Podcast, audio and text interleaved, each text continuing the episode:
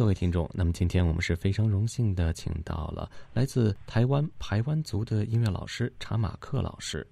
查马克老师，你好。啊，你好。哎，各位听众大家好。我们知道您是泰舞古谣传唱的指导老师，是吗？哎，没错。在排湾族，就是台湾的原住民，所有的信息都是藏在歌谣中的，而不是有文字记载的，是吗？哎，没错，因为台湾族本身自己没有自己的文字，嗯，所以从第一代我们要讲述部落里面的故事、文化、社会的接续，都放在歌谣里面。所以很多的文化，如果我们不传唱，嗯啊，这些文化都会不见。那您是怎么想到要去把排湾族的这些原住民音乐给推向国际的呢？其实我一开始要带着这些孩子认识自己的歌，因为本身自己在国小教书，小学教书，嗯。我希望有一个自己的一个主题课程，那其实就是透过歌谣来让他们去认识自己是谁的这一段路。那期间因为孩子也受到唱片公司啊有赏识，然后也发了专辑，所以让更多的人知道我们。所以其实一开始出发点并没有说要把音乐要推向国际，而是只是单纯先把这些歌谣记录起来。嗯，只不过就是后面不管我们有跟了很多不同的音乐家合作，嗯，然后也让世界的很多的人知道说，哎，原来台湾族的歌谣也有它的独特的一些韵味味道，嗯，所以我们才有更多的机会到向世界各地去分享我们自己的文化。那我们先不说国际，我们先觉得在台湾，您觉得台湾族的音乐能占据台湾的主流社会吗？因为我们知道现在台湾主流所传唱的音乐。大多数都是流行乐。您觉得在台湾的这个社会上，原住民音乐有一席之地吗？当然，以站在我的立场，它绝对是在占有它的一席之地。嗯，只是说我们怎么去评价一个音乐上面到底谁高谁低？嗯，呃，我我是觉得是看什么样的角度去思考。但就我个人而言，不管是哪一个族群、哪一个音乐类型、哪一个风格，都有它自己独特魅力的地方。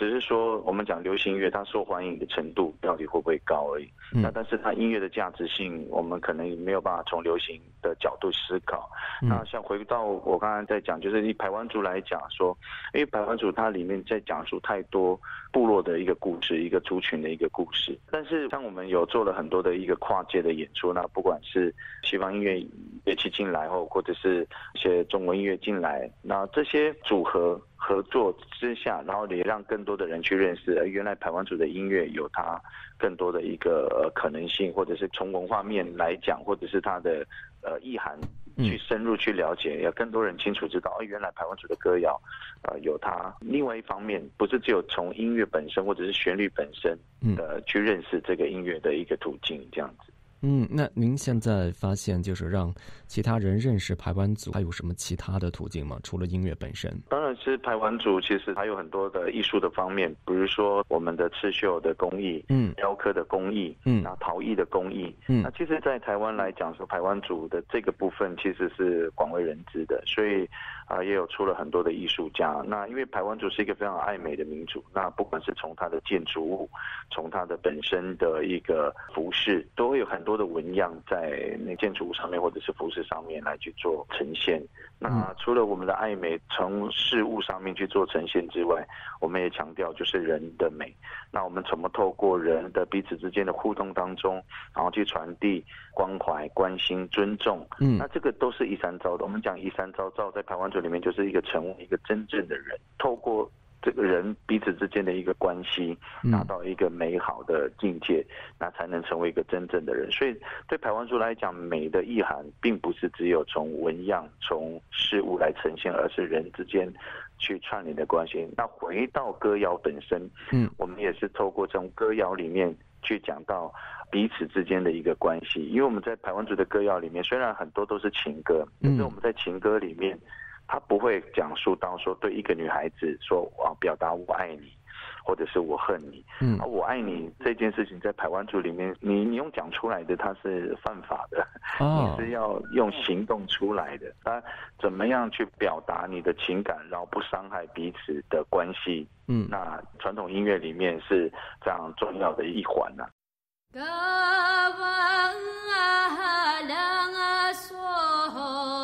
va da le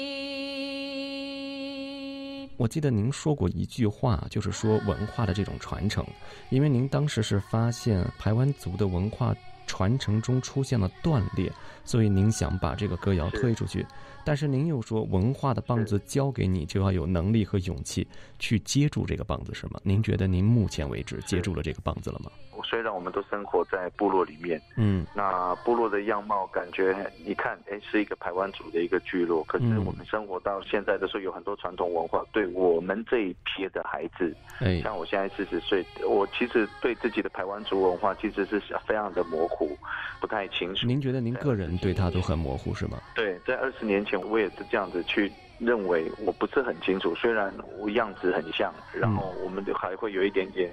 讲台湾族的语言，可是对深入去了解文化的这个部分，其实是相对薄弱的。所以我会那时候会觉得说，如果我们不太清楚知道是谁的时候，我们怎么能够敢说自己是台湾族？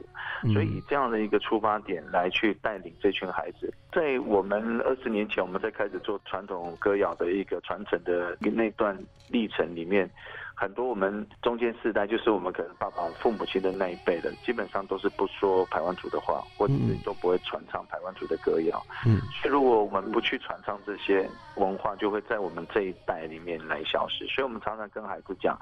我们其实在做的一件事情，就是一个延续、串联跟传承。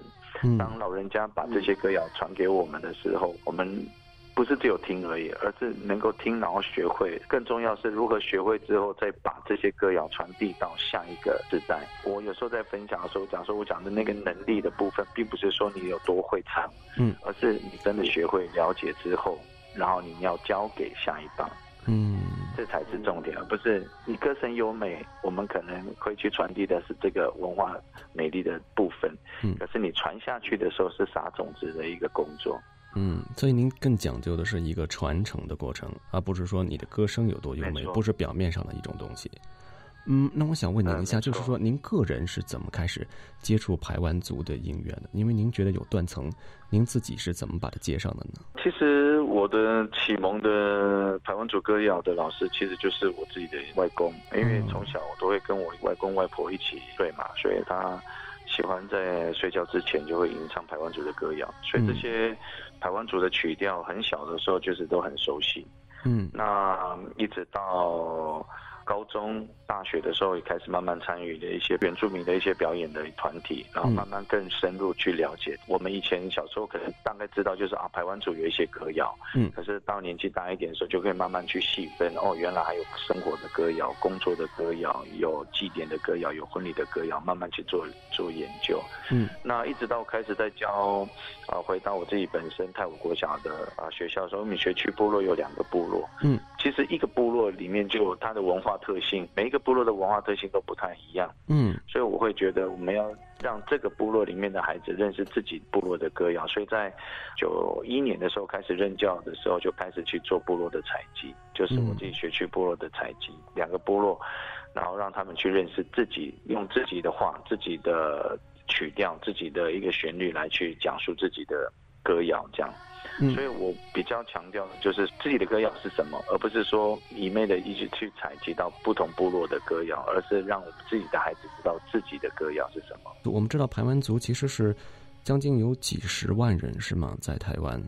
啊，您说现在有很多的部落，每个部落之间其实都可能是歌谣是不一样的，有自己的特色。对，嗯。您是怎么把各个部落这么大的一个群体中的这种文化的现象给全部收集在一起的呢？就花时间，就是去到部落里面还会吟唱的老人家，然后去把音乐记录下来，然后从记录里面，然后自己学会，然后教给孩子。那我你像我本身，嗯，不是学音乐。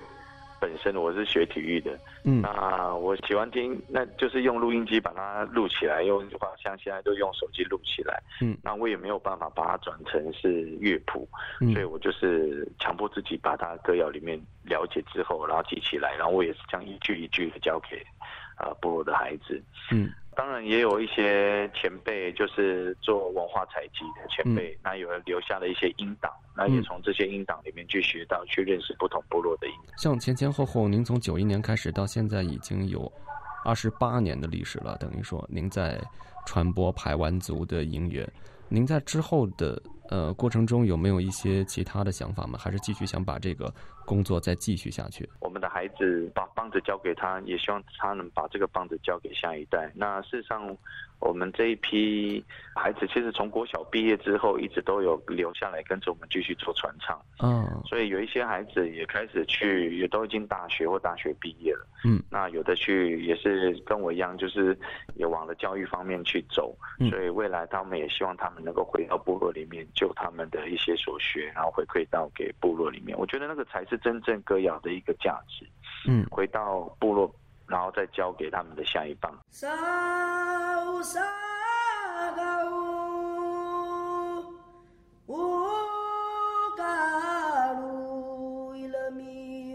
当然，我们持续不断的还是在做文化的一个记录，嗯，就是歌谣的采集。我们现在也有很多像部落里面的一些祭典，那这群孩子可能在小时候的时候，他们没有办法参与，嗯，那现阶段。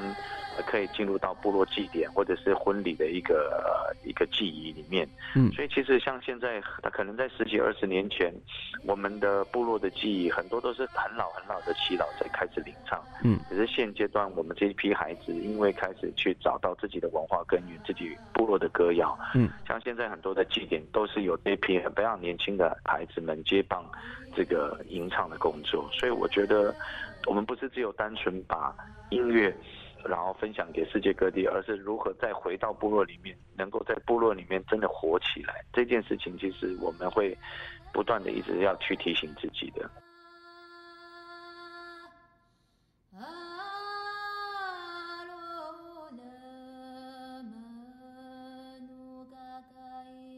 像您之前也提到了，您赴邀去美德、法日、比利时、荷兰。甚至爱沙尼亚等等等等国家的演出，然后包括呢，国际的琵琶大师吴蛮等人也和您这边有过合作。我很感兴趣，就是在您现在在国外的这种演出当中，您将排完组的这种歌曲，已经其他的什么形式做过结合的呢？我们也有曾经在电子游戏媒体啊，就是像是电玩。嗯，那我们也跟这个电玩，我们也跟呃英国皇家管弦乐团呃一起合作过，嗯，那也是变成一个主题曲。嗯那其实我们也有跟国乐，然后一起合作过来去做演出。嗯，那像我们跟那个 Daniel Ho 他们乌克丽丽的一起合作。嗯，所以其实我们也非常期待，就是用不同的方式来去做。那我们也期待，如果有机会，我们也能够在阿阿德雷德那边，如果有跟当地的一些原住民，如果有互相的去撞击，然后也许我们有在一个旋律上面，我们也可以重新用音乐来去做分享、去交流。因为我觉得音乐的本身其实是一个可以很轻易就认识人，或者是跟不同族群的人来去做交流的一个很直接的音乐方式。那事实上，在台湾族啊，就像我刚才讲，虽然是我们讲统称台湾族，可是台湾族有不同的部落。嗯，其实我有时候我们也去到另外一个部落里面去做客的时候，其实我们也是透过歌谣啊去认识不同的人啊。台湾只是一个非常爱唱歌的民族，那到另外一个地方来去做，那其实歌谣是一个非常直接的一个媒介。我能再跟您确认一下吗？就是台湾族当地的语言。人与人之间的交流一定是用歌谣的方式，而不是说用说话的这种方式，是吗？我们最多就是用歌谣，因为其实台湾族有一个很特别、很特别的呃吟诵，就是嗯呃，比如说我们单纯唱一首歌曲，比如说男女孩子，我们可能在某一个女孩子的家屋前面，我们就可能二十个男生、二十个女生一起来吟唱，嗯，那我们可能会去唱一个一个旋律，比如说我们会唱。那罗啊，你那罗啊，那耶耶啊，那呀，那是你罗啊罗么的呀，那罗啊，那咿呀那呀哦，哎那，那是你罗啊罗么的呀。这个是完全没有歌词的意思，只有只有旋律而已。那这个时候呢，大家就会透过这个旋律来开始说故事。嗯，男生就会说阿巴拉啊啦阿巴拉啊咪哩咪哩啊，真是羡慕我们的传统的故事里面，神话故事里面的男孩女孩总是有美好的结局。那女孩子听到这个故事的时候，女生就会开始回应。我们的很多的歌曲都是即兴的。就会把当下的情绪来去做套词。我们的歌谣是没有固定的词，只有固定的曲，所以我们一整晚其实透过歌谣里面去交彼此交换呃生活的一呃一个感受。在排湾族里面，一个会唱歌的男人跟女人，并不是说他的音很高，或者是他很多的装饰音，而是如何将他的生活里面所看见的，用一个非常优美的诗词来去传递。嗯，比如说。我们会去讲述说一个女孩子很美丽。如果你直接在歌谣里面去讲述说，哎，呃，你你实在是长得太漂亮了。如果用这种方式来去传递的话，可能没有办法啊吸引到一个女孩子。我我们都会去讲述说啊，今天午后天边出现了十道彩虹。那其实用彩虹来形容美丽女孩子的话，我们不指名道姓，但是我已经把那样的一个感受去传递给女孩子了。这种方式才是在排湾族里面借物喻情的那种概念来去表达，啊，比如说我我非常非常的思念你，思念你这件事情，如果你只有表达说我很想念的话，没有办法，我们可能会觉得啊，这个可能在生活上面，呃，不够有情趣，或者是他的文学素养不够，我们就会说，还记得那午后的细雨吗？细雨洒落群山，细雨是我的思念，你是群山，这样子，啊，用这种方式来去。来表达，所以我们会常常在讲说排湾族的歌谣里面，如果你真的去了解到里面歌词的意涵的时候，嗯，你才能真正的去投射一个一个歌谣的美丽。在这里听的真的是很入迷，嗯，我记得有人说过 排湾族是非常会谈恋爱的民族，我现在才知道为什么，因为一切都是这么美，一切都是这么吸引人。让人真的是欲罢不能。嗯，我想问您最后一个问题：您觉得您目前做的还仅仅只是一种传接吗？您觉得您现在是不是已经把排湾族的音乐在做跨界，在做结合，再把这个文化已经传递到整个世界上，而且还在做一种创新？所以您还是只用“传承”这个词来形容您的工作吗？我觉得这是完全是并行的，并行的，就是传承的工作不断还是得要做，因为我觉得。一个族群的伟大是族群里面的所有的孩子很清楚知道自己是谁，嗯，然后从自己的文化养分里面去长出自己的样态，嗯，而不是完全开始做跨界学习到不同文化的美丽而忘了自己。我觉得这样的长出来的东西样子，我觉得会不美。但是我们又不得不承认，我们需要有更多更多的现在的孩子，因为现在时代完全不同。我们的孩子如果只有单纯做传统演唱的话，嗯，我觉得能够吸引到他们的那个元素也会比较少，所以我们这种跨界的一种呃合创或者是合作或者是分享的概念，我也希望能够他们去做，因为台湾族的传统歌谣也会有唱完的时候，嗯，我们如何让这群孩子吸收到了可能一百首、两百首的传统曲调之后，能有个新的创作？那这个新的创作的养分完全都是从纯传统演唱里面来去做的。那这个这样的一个历程当中，我觉得。我们会看到的是一个完全不一样的一个果实，而不是我都没有从我的音乐本身里面去出发，而完全就去用或者是模仿，啊，不同的族群，我觉得又不像自己，也没有说出自己本身的味道，我觉得这样是一件很可怕的事情。所以，我觉得跨界这件事情是立足于在我们自己的文化养分上面，然后如何去跟不同的文化里面去交朋友。嗯，啊，我觉得这件事情是很清楚。我会带着孩子里面怎么样去帮他们把关，然后又能够在新的一个概念之下，让更多的人去认识排湾族。非常感谢查马克老师今天接受我们的采访，也希望我们在澳大利亚的听众朋友们听到查马克老师讲述排湾族音乐的故事之后呢，能认识到这个台湾原住民的音乐，能够更加真真切切的去感受到排湾族的文化。谢谢您，谢谢谢谢。星星，uci ya panuya aniyata kuliya